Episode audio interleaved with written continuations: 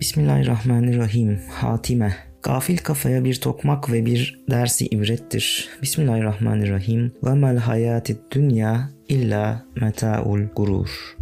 Dünya hayatı aldatıcı bir menfaatten başka bir şey değildir. Ali İmran suresindeki ayetle başlıyor bu kısım. Ey gaflete dalıp ve bu hayatı tatlı görüp ve ahireti unutup dünyaya talip bedbaht nefsim. Bilir misin neye benzersin? deve kuşuna. Avcıyı görür, uçamıyor, başını kuma sokuyor ta avcı onu görmesin. Koca gövdesi dışarıda, avcı görür. Yalnız o gözünü kum içinde kapamış, görmez. Bu kısmın başladığı yer esasen nefse hitap ediyor. Nefsin dünyaya talip olmasını deve kuşunun bir davranışına benzetiyor ve deve kuşunun önemli bir davranışı şuymuş. Avcıyı görünce kafasını kuma sokması. Doğal olarak hepimiz bunu komik bir şey olarak yorumlayabiliriz. Deve kuşunun zekasına hakaret edebiliriz. Ama esasında nefsimizin de böyle bir davranış içerisinde olduğu burada belirtiliyor ve deve kuşunun yaptığı bu absürt davranışı ki absürtlüğü nedir? Sonuçta avcı onu görüyor ve vuruyor. Onun avcıyı görmemesi, avcının da onu görmemesi anlamına gelmiyor. Yani bazı gerçekleri görmeme görmemek, üstünü kapamak o gerçeklerin başımıza gelmeyeceğini e, garantileyen bir şey olmuyor. Bilakis avcıya hedef olup avcı onu burada deve kuşunu nasıl vurdu gibi insanda da biraz sonra anlatılacak bazı davranışlar belli gerçeklere gözünü kapayınca o gerçeklerin değişmeyeceğini bize hatırlatacak. Ey nefis şu temsile bak gör nasıl dünyaya hasrı nazar aziz bir lezzeti ilim bir elime kalbeder. Burada ikinci parçaya geçiyoruz ve aslında buradaki deve kuşu davranışının bir örneği ile şimdi karşılaşacağız. Mesela şu kariyede yani Barla'da iki adam bulunur. Birisinin %99 ahbabı İstanbul'a gitmişler güzelce yaşıyorlar. Sadece bir tane burada kalmış. O dahi oraya gidecek. Bunun için şu adam İstanbul'a müştaktır. Orayı düşünür. Ah baba kavuşmak ister. Ne vakit ona denilse oraya git. Sevinip gülerek gider. Yine aslında Risale-i Nurlar'da klasik anlatım. iki kişi var. iki farklı tercih, iki farklı yol var. Birinci kişide bir Barla temsili var. Bir de İstanbul temsili var. Ee, ama Barla ve İstanbul temsilleri burada e, dünya hayatı ve ahiret hayatı anlamında anlamına geliyor. Aslında ahiret hayatı değil cennet hayatı. Yani barla dünya hayatı İstanbul ahirette güzel bir yaşam gibi temsil edilmiş. Burada günümüzde bunu tekrar örnek vermek istesek birçok farklı örnek de verilebilir. Doğal olarak e, bu satırları yazarı, bu sözlerin yazarı o zaman Barla'da olduğu için ve eski hayatında İstanbul'da belki İstanbul daha büyük bir yer ve bir sürü ahbabı İstanbul'da olduğu için kendisinden örnek vermiş ve bu kendisinden örnek vermesini de anlayabiliriz çünkü nefis nefsine hitap ettiği için aslında birinci olarak kendi nefsini muhatap oluyor. Biz bunu kendi nefsimizde farklı şekilde temsil ettirebiliriz. Sadece buradaki şeyi anlamak için e, Barla ve İstanbul temsilleri bu dünya hayatı ve öbür dünya hayatındaki mutlu bir yer olarak temsil edebiliriz. Burada demek istediği şey belli bir patern var, belli bir yol var. E, insanlar İstanbul'a gidiyor ve birçok dostu İstanbul'a gitmişse e, o insan da İstanbul'a gitmek ister. Burada kalmak istemez. Bakıyor ki herkes gidiyor. Bir iki dostu kalmış ve biliyor ki onlar da gidecek. O zaman ne güzel İstanbul'a gideceğim. Acaba ben ne zaman gideceğim? Acaba ne zaman vakit gelecek de gideceğim diyebilir. Bunu biraz daha temsili daha böyle değiştirerek belki şunu diyebiliriz. Yani birisi dese ki bütün arkadaşların işte Miami'de tatil yapmaya gitti. Yani orada böyle hiç iş yok, güç yok ve herkes yavaş yavaş oraya gidiyor. Tüm sevdiğin insanlar, muhabbetinden hoşlandığın kişiler herkes orada dese e, ya ben acaba ne zaman gideceğim diye doğal olarak bir heyecan duyar. Çünkü biliyor ki çok sevdiği insanlar, çok çok sevdiği dostları hep o Miami'de ya da daha güzel bir yerde orada güzelce yaşıyorlar. Keşke ben de bir an önce gitsem yani burada sıkılıyorum diyecek. Birinci adamın temsili bu. İkinci adama gelirken ikinci adam ise böyle görmüyor olayı. Şöyle görüyor. %99 dostları gitmişler Barla'dan ama bir kısmı mahvolmuş. Yok yani yollarda perişan olmuş, ölmüş, kalmış. Bir kısmı ne görür ne görünür yerlere sokulmuşlar. Bir kısmı hiç haber almıyor. Perişan olup gitmişler zanneder. Yani onun bakış açısı o şekilde gittiler ama yani nereye gittikleri belli değil doğal olarak. O da ben de bir gün gideceğim ve nereye gideceğim belli değil der ve korkar Barla'dan ayrılmaktan diyor. Şu biçare adam ise bütün onlara bedel. Yalnız bir misafire ünsiyet edip teselli bulmak ister. E madem gitmek var gittiğimiz yerde ne olduğu belli değil. Çok karanlık çok kötü bir yer. O zaman ben burada kalan dostlarımla günümü gün edeyim. Onlarla anlaşayım. Onlarla sohbet edeyim. E, buradan alabileceğim maksimum zevkleri alayım. Çünkü gidiş var gittikten sonra olmayacak der ve Barla'da geçen zamanı çok iyi geçirmeye çalışır. Tabii biz bunu dünya hayatı olarak yorumladığımız için de e, şöyle anlamak mümkün olacak ki dünya hayatı sonrasında e, insanların sevdiğimiz kişilerin ölümlerini eğer bir yok oluş olarak görürsek onların yanına gitmek gibi bir şey olmuyor ölüm. Onlar gibi öyle inandığımız, öyle zannettiğimiz için onlar gibi nereye gittiği belli olmayan karanlık bir yere gidiyor. İşte toprağın altına giriyor, 2 metrekare mezarın altına giriyor gibi bir sürü farklı şeyler düşünüp oraya gitmeyi istememe noktasına gelebilir. Ey nefis! Başta Habibullah bütün ahbabın kabrin öbür tarafındadırlar. Burada kalan bir iki tane ise onlar da gidiyorlar. Buradaki tespitte çok önemli bir şey var. Dostlar ne demek? Şimdi belki anlatırken de aklımıza geldi. Yaşı genç olanlar şöyle düşünebilir. Ya benim atıyorum yaşım 15, benim yaşım 20-25. Benim tanıdığım insanlardan, dostlarımdan, sevdiğim insanlardan çoğu zaten bu dünyada yani örnekteki yerde anlatılması için Barla'da. E benim ya bu örnek acaba neyi anlatıyor? Yani benim birde 99 ahbabım nasıl öbür tarafta olur? Hadi çok yaşlı birisi olsam 80 yaşını 90 yaşında birisi olsam o zaman annem, babam, belki eşim, belki çocuklarım, belki tanıdığım dostlarım hepsi kabrin öbür tarafındadırlar ve ben o zaman anlarım. Yani burada kalan birkaç torunum var, çocuğum var, bir tek tük arkadaşım var. Herkes kabrin öbür tarafında. Bu belki yaşla ilgili olarak böyle anlaşılabilir ama buradaki bakış açısını şöyle değiştirmemiz gerekiyor. Başta Habibullah bütün ahbabın kabrin öbür tarafındadırlar. Yani o birinci adam dediğimiz aslında tam iman sahibi birisi. Tam iman sahibi birisi için Habibullah yani Allah Resulü sallallahu aleyhi ve sellem zaten dostların en büyüğüdür. O tek başına orada olmasıyla aslında %99 ahbabın orada sadece Efendimiz sallallahu aleyhi ve sellem olsa bütün tanıdığımız bu dünyada bile olsa bu cümle söylenebilir. Çünkü teorik olarak bir Müslümanın en büyük sevgilisi, en büyük ahbabı Efendimiz sallallahu aleyhi ve sellem'dir. Kişi sayısına eğer vuralım illa dersek Efendimiz sallallahu aleyhi ve sellem'den sonra diğer peygamberler. Onlardan sonra sahabeler, onlardan sonra veli zatlar. Esasında bizim esas dostumuz bu insanlar olması lazım. O bakımdan sayıya da vursak böyle de bir şey yapsak buradaki bizim eşimiz, dostumuz, arkadaşlarımız onları da tabii ki çok sevebiliriz. Bu meşrudur. Ama asıl bizim sevdiğimiz ya da sevmemiz gereken kişiler kabrin öbür tarafındadırlar. Ve bize bir ölüm daveti çıktığı zaman aslında koşa koşa belki o sevdiğimiz insanların yanına gitme arzusu olması lazım. Tabii ki bu imanın gücüyle, kuvvetiyle, o insanları sevme ölçümüzle, o insanları tanıma ölçümüzle ileri gelir. Eğer o insanları tanımıyorsak, çok bilmiyorsak, ezbere bazı şeyler biliyorsak tabii ki Efendimiz'i de seviyoruz deriz. Ama bu nasıl bir sevgi? Yani sevginin biliyorsunuz farklı türleri var. Yani belli sevgi vardır ki hayatını verecek kadar seversin. Belli bir sevgi vardır sadece bir sempati duyarsın, onaylarsın. Farklı farklı e, sevgi türleri var. İşte asıl Müslümanın e, öbür dünyaya ait yani o öbür büyük zatlara ait burada önemli bir sevgi e, motivasyonunun olması lazım. Burada da bunun altı çiziliyor. Bu kısmı anlayamazsak o zaman %99 ahbabın öbür tarafta olması hakikati kafamızda bu örnekte tam canlanmayabilir. Evet bir başka yerde Bediüzzaman Hazretleri şöyle bir şeyden bahseder. Ölüm ve ölüme severek gitme ile alakalı. Ben Abdülkadir Geylani Hazretleri duysam ki Hindistan'da bir yerde zuhur etmiş. Yani belki sürüne sürüne bütün şeyleri göze alarak onu gider ziyaret etmeye çalışırım. Ölüm inandığımız şekilde ölüm zaten Abdülkadir Geylani Hazretlerinin yanında o Efendimiz sallallahu aleyhi ve selleme de ulaşmak olduğu için öyle bir arzu, öyle bir şevk olur ki yani esasında madem bu dünyadaki Abdülkadir Geylani Hazretlerine bile gitmek belli bir derecede iştiyak olur, ölüm çok daha büyük bir iştiyak olur diye bir tespiti vardı ki biliyorsunuzdur Hz. Mevlana Şebi Arus düğün gecesi olarak tanımlıyor ölümü.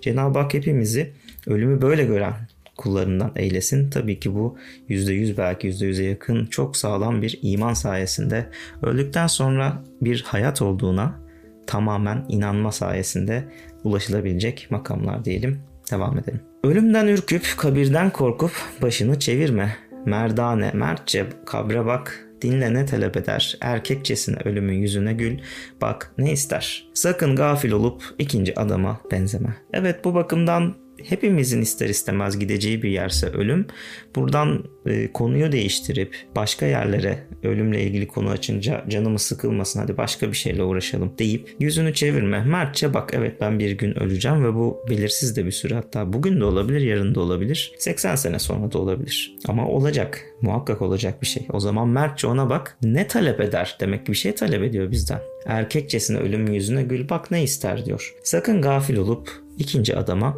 benzeme. Buradan sonra bir başka şeye geçiyor. Şimdi nefis tabi nefis de bir konuşma kendi nefsiyle konuşma şeklinde ilerlediği için burada belki nefsin diyebileceği birkaç şey var. Bu diyebileceği şeylerden iki tane şeyi bugünkü dersimizde anlatıp e, nihayet erdirme niyetindeyim. İki tane şey. Birincisi nefis şunu diyebilir. Ey nefsim deme. Hepimizin nefsi bunu diyebilir. Zaman değişmiş, asır başkalaşmış. Herkes dünyaya dalmış, hayata perestiş eder, derdi maişetle sarhoştur. Şimdi nefsiz bunu diyebilir, hepimiz nefsine girince bunu söyleyebiliriz. Yani şunu diyebilir. Artık zaman değişti. Yani böyle bir 600-700'lü yıllar, 800'lü yıllardaki şey yok. Çok farklı bir zaman diliminde yaşıyoruz. Asır başkalaştı. Teknoloji asrı var, bilgisayarlar var, telefonlar var. Her şey çok hızlı. Ve herkes dünyaya dalmış. Harıl harıl herkes koşturuyor, uğraşıyor, didiniyor. Hayata perestiş eder. Neredeyse hayata tapar yani bu hayat. İşte daha zengin olma, böyle bir emeklilikte bir şeylere ulaşma, daha iyi okullar. Ya herkesin birinci gündemi bu. Ana manşetinde bu var. Yani namaz da kılsa bir insan, zekat da verse, oruç tutsa esasında bu tarz şeyleri daha önemlileştirebilir. Daha önemli gelebilir. Yani bir e, anne baba mesela çocuğunun e, iyi bir okulda eğitim almasını, onun namaz kılmasından dindar bir anne baba bile olsa daha önemli görebilir. İnşallah görmüyordur ama bu böyle çok fazla insan olabilir ya da bazıları hiç önemsemez namaz meselesini ya da başka dini meseleleri. Ve genel olarak insanlar arasında konuşmalarda hep dünyevi şeyler var artık gibi bir şey diyor nefis aslında burada. Derdi maişetle sarhoştur. Herkesin bir geçim derdi var. Belki işte ekonomik noktada belli yerlerde sıkıntı da olabilir. Sürekli onu düşünürsün. Hani böyle sürekli bir ekmeğinin peşinde koşarsın. En büyük gündemin budur diyor. Ama bunu öyle deme nefsim. Neden öyle deme? Bir cümlelik çok çok çok ya da belki bir kelimede de özetleyebiliriz. Çünkü ölüm değişmiyor. Evet ölüyor o insanlar. Yani kariyer yapan insanlar da ölüyor. Şirket CEO'ları da ölüyor. Çok para kazananlar da ölüyor. Az para kazananlar da ölüyor. Geçmişte yaşayan 800, 900, bin yıllarında yaşayan insanlar da ölüyordu. Şu an 2000 yılında doğan 1980 yılında doğan insanlar da ölecek. 2100 yılına geldiğimizde belki şu an dünyada yaşayan hiç kimse o zaman ayakta belki olmayacak. Hadi 2150 yılında diyelim. Nasıl ki şu an 1800 doğumlu hiç kimse olmadığı gibi. Değişmeyen bir şey var o da ölüm. Eğer de ölüm değişmiyorsa o zaman bunların hiçbir hükmü yok. Ölüme göre 800 yılında, 1000 yılında, 1500 yılında olan insanlar nasıl önlem aldıysa ya da hazırlık yaptıysa 2000 yılında doğanlar da hazırlık yapması gerekir. Zamanın değişmesi, çok farklı bir hayat yaşamamız bunu etkilemez. Ölüm değişmiyor, firak bekaya kalbolup başkalaşmıyor. Yani ölüm ve dünyadan ayrılık e, olayı ortadan kaybolmuyor. Bekaya dönüşmüyor. Sonsuzluğa dönüşmüyor. Hala aynısı. Acizi beşeri fakr insani değişmiyor. Ziyadeleşiyor. Beşer yolculuğu kesilmiyor. Sürat peyda ediyor. Bu kısımda çok orijinal bir kısım. Acizi beşeri fakr insani değişmiyor. Yani insanın acizliği, insanın fakirliği değişmiyor ve artıyor esasen. Bir sürü teknolojik gelişme olabilir. İnsanın acizliği mesela bin, binli, bin yüzlü yıllarda işte insanlar arabayı keşfetmedikleri için at sırtında belki gidiyorlardı. Ama araba keşfedildikten sonra belki bu noktada bir acizlik çok azalmış gibi görünebilir. Ya da fakr insanı, insanın fakirliği birçok şeye ihtiyacı, elektriğin olmadığı dönemler, belki bazı şeylerin olmadığı dönemler çok daha zor şeyler yaşıyordu. Ama şimdi birçok insanın imkanı var bunların şeyi artması sanki insanın acizliğinin, fakirliğinin de arttığı böyle insanın daha bunlarda avantajlı duruma geldiği gibi bir durum oluşturabilir ya da öyle zannedilebilir ama esasen öyle değildir. İnsanın ihtiyaçları da sürekli artıyor. Çünkü farklı farklı şeyler görüyorsunuz. Şimdi bir telefon kullanabiliyorsunuz evet ama telefonda gördüğünüz şeyler aslında bir sürü şeyi size ihtiyaçmış gibi gösteriyor ve şu da olsun, bu da olsun, şunu da alalım, bunu da alalım. Bundan dolayı alamıyoruz. Yani mesela belli kriterlerde işte şu arabayı da alalım, ondan sonra bunu da alalım. Her sene yeni bir telefon modeli çıkıyor. Benim telefonum eskide kaldı. Esasında yeni yeni ihtiyaçlar çıkıyor ve yeni yeni bu ihtiyaçlardan yoksunluklar ortaya çıkıyor. Ve doğal olarak insanın aciz olması, fakir olması aslında değişmiyor. Hatta hızlı bir şekilde artıyor. Yine insan bir şeyleri istiyor, yine insan bir şeyleri arzu ediyor ve hepsini de alamadığı için esasında yine Bediüzzaman'ın başka yerde söylediği bu zamanda ihtiyaçlar normal temel ihtiyaç olarak görülen şeyler belki 5'ten 10'dan 100'e çıktığı için ve insanların çoğu bu yüzü alamadığı için büyük bir kesim itibariyle bunları alabilmek için belki helal yolların dışında belli kazançlara daha istekli oluyorlar. Ve bu da e, tabii ki bazı haramlara sebebiyet veriyor ve doğal olarak o ihtiyaçlar da sürekli arttığı için sürekli olarak esasında ne kadar maaş alırsa alsın bir insan oradaki o doyuma ulaşamıyor. Yani teknolojinin de gelişmesi insanın ihtiyaçlarını tam olarak azaltmıyor. Belli noktalarda azaltsa da yeni şeylerde olduğu için sürekli bir ihtiyaç halinde bırakıyor. Bu birinci şey. İkinci şey de beşer yolculuğu kesilmiyor, sürat peyda ediyor. Bu da çok önemli bir cümle. Yani beşer yolculuğu insanın anne karnından, belki ruhlar aleminden, anne karnından, çocukluktan, gençlikten, ölümden, kabirden geçtiği bu yolculuk birincisi devam ediyor. Hani 21. yüzyılda artık ölüm yok gibi bir şey olmadığı için e, o aynı şekilde başlıyor, aynı şekilde devam ediyor. Bir farkla sürat peyda ediyor. Yani daha hızlı akıyor. Yani 80 yıl yaşıyorsa geçmişte birisi ve şimdi birisi bu 80 yılı daha hızlı yaşıyor gibi oluyor. Yani esasında insan belki fiziksel olarak aynı süreyi yaşıyor dahi olsa bir gün içerisinde yaptığı iş sayısı arttıkça, kafasını yoğunlaşan şeyler arttıkça o süre ona çok daha hızlı geçiyormuş gibi gelir. Ne kadar çok iş yapar, ne kadar çok şey dağıtırsa, e, dikkatini farklı yerlere verirse esasında geçirdiği bir gün ona ya nasıl akşam oldu hiç anlamadık e, gibi e, tepkileri çoğumuz zaten vermiştir. Ya da nasıl bir hafta geçiyor hiç anlamıyorum. Aylar nasıl geçiyor hiç anlamıyorum. Elbette ki zaman böyle geçtikten sonra insana bir pişmanlık verir. Geçmişte yaşayan insanlar da nasıl geçti hiç anlamadım diyebilirler. Ama burada önemli bir fark var. Biz bu asrın insanları olarak mesela bir günlük planımıza baktığımızda telefon, bilgisayar gibi şeylerle o kadar çok iş halledebiliyoruz ki ya da ulaşım araçlarıyla işte uçağa binip yurt dışına çıkıp birkaç iş halledip aynı gün içerisinde geri dönebiliyoruz. Dünyanın bir başka yerine gidebiliyoruz ama eski zamanda bu çok limitliydi. İnsanlar telefon yok, anında haberleşemiyorlar. Ya günlük yapılan işler çok azdı ve hayatı biraz daha düşünmeye, biraz daha bak böyle e, tefekkür etmeye, ölümü düşünmeye belki vakit vardı. Aslında şimdi bu sorunun başında zaman değişti, asır başkalaştı diye bunu kastediyor. Artık bizim çok işimiz var. Bir anda bir sürü iş hallediyoruz. Yani telefonla bir sürü iş hallediyorum, sosyal medyaya giriyorum bir sürü iş hallediyorum ya da iş halletmiyorum vakit geçiriyorum. Ama geçmişte zaten hatta hepimiz de düşünüyoruz. Ya geçmişte insan ne yapıyorlardı elektrik yokken?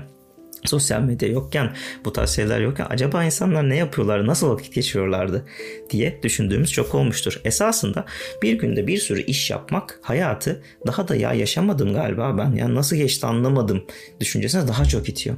Yani hissel olarak o zamanı daha böyle hızlı geçtiğimiz için ömrümüz kısalıyor bile diyebiliriz. Yani sürat peyda ediyor ölüm, kaçtığımız ölüm bir anda karşımıza çıkabiliyor. Bir anda bakıyoruz 50 yaşına gelmişiz, 40 yaşına gelmişiz, 60 yaşına gelmişiz. Dolu dolu geçiriyoruz belki. Yani ama bu daha da bir anlamsızlaştırıyor. İşte bu noktada biraz daha durup düşünüp kafamızı kuma gömmeden karşıya bakıp bir yerde bu ölüm de benim başıma gelecek deyip vaktimizi belli noktalarda ölüme de hazırlanarak geçirmemiz lazım. Çünkü son olarak ifade edelim beşer yolculuğu kesilmiyor, sürat peyda ediyor.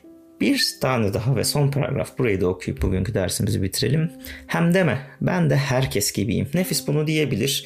Ben de herkes gibiyim. Yani bunları bunları yapmam gerekiyor ama işte şu X şahsı da yapmıyor ki Y şahsı da yap. İnsanlara bakıyorum herkes öyle. Ami yani tabir alemin enayisi ben miyim? Ben niye böyle sürekli çalışayım ya da dine dair şeyleri sorumlulukları yerine getirmek için çabalayayım gibi nefis böyle bir şey yapabilir. Ben de herkes gibiyim yani. Herkesle beraber giderim. Bunu da esasında biraz şuna benzetmek lazım. Üniversitede tabi sınav değerlendirmelerinde farklı farklı metotlar vardır. İki tane çok yaygın metot vardır. E, birinci Birincisi çan eğrisi sistemi, curve.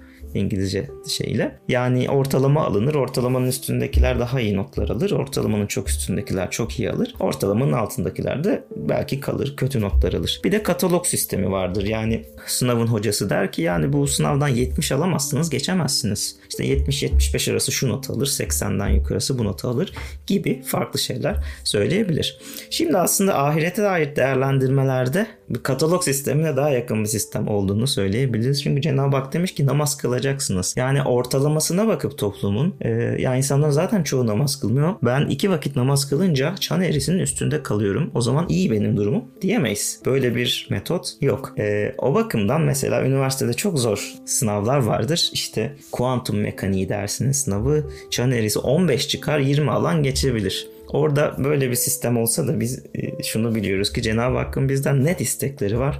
O noktada kesinlikle şunu geçmeniz gerekiyor diyor. Yani Öbür tarafta şöyle bir savunma yani ben tamam yapmadım namazları kılmadım da insanlığın ortalamasının şu kadarı da namaz kılmıyordu. Ben onların üzerinde olmalı değil miyim deme hakkı vermemiş bize Cenab-ı Hak. Bu hakkı neden vermemiş? Tabii ki o adil mutlak olduğu için. Onu belki tabii ki biz de anlayarak açıklayabiliriz o hakkı neden vermediğine dair. Ama ben de herkes gibiyim savunması nasıl ki katalog not verilen bir sınavda işe yaramıyor ise öbür tarafta da işe yaramayacağını düşünmek lazım. Risale Nur'daki açıklamada da şunu söylüyor öyle bitirelim. Ben de herkes gibiyim deme çünkü herkes sana kabir kapısına kadar arkadaşlık eder. Bir hadis-i şerifte Hazreti Ayşe meşhur bir yerde Efendimiz sallallahu aleyhi ve selleme soruyor. Ya Resulallah ötede ehlini hatırlar mısın? Deyince Efendimiz sallallahu aleyhi ve sellem iki yerde hatırlayamam ya Ayşe diyor. Yani orada yalnızsınız. Peygamber eşi de olsa o hesabı kendisi vermesi gerekiyor. O bakımdan öbür tarafta biz yalnız olarak hesap vereceğimiz için ben de herkes gibiyim demek bize bir katkı sağlamayacak. Onlar kabir kapısına kadar arkadaşlık edecek. Annemiz bile ya da eşimiz bile bizi en çok seven kim varsa kabrin içine bizle beraber beraber giremeyecek. O bakımdan bir noktada eğer yalnız kalacaksam ben de ne yapmam gerektiğini öğrenip ona göre hareket etmem gerekir. Yani başkasının desteği burada olmayacak. Bu da biraz şey hissiyatı. Ee, bir yaramazlık yaparsınız sonra öğretmen sizi tahtada sıralar ve hesap sorar. Ama hani çok kişi olursa arada kaynarım diye düşünürsünüz. Yani 10 kişi birden o yaramazlığı yaptıysa okeydir ama bir kişi yapınca insan böyle şey yapar. Burada ben de herkes gibiyim. Hani 10 kişi birden yaptıysa onu o arada kaynayabilirsiniz ama öbür tarafta böyle bir şey olmayacağını burası ifade ediyor ve ben de herkes gibiyim gibi bir savunma burada çöküyor nefis adına. Herkesle musibette beraber olmak demek olan teselli ise kabrin öbür tarafında pek esassızdır. Yani sağdan soldan teselli aradığınız bir şeyde bu dünyada başınıza bir musibet gelebilir ve birileri sizi teselli eder. Yanınızda olur size iyi gelebilir. Ama öbür tarafta böyle bir teselli de olmayacak. Madem yalnız hesap vereceğiz o zaman ve madem kesinlikle bununla yüzleşeceğiz. O zaman oraya hazır gitmek lazım diyebiliriz. Cenab-ı Hak inşallah hepimizi oraya hazır giden insanlardan eylesin. Amin.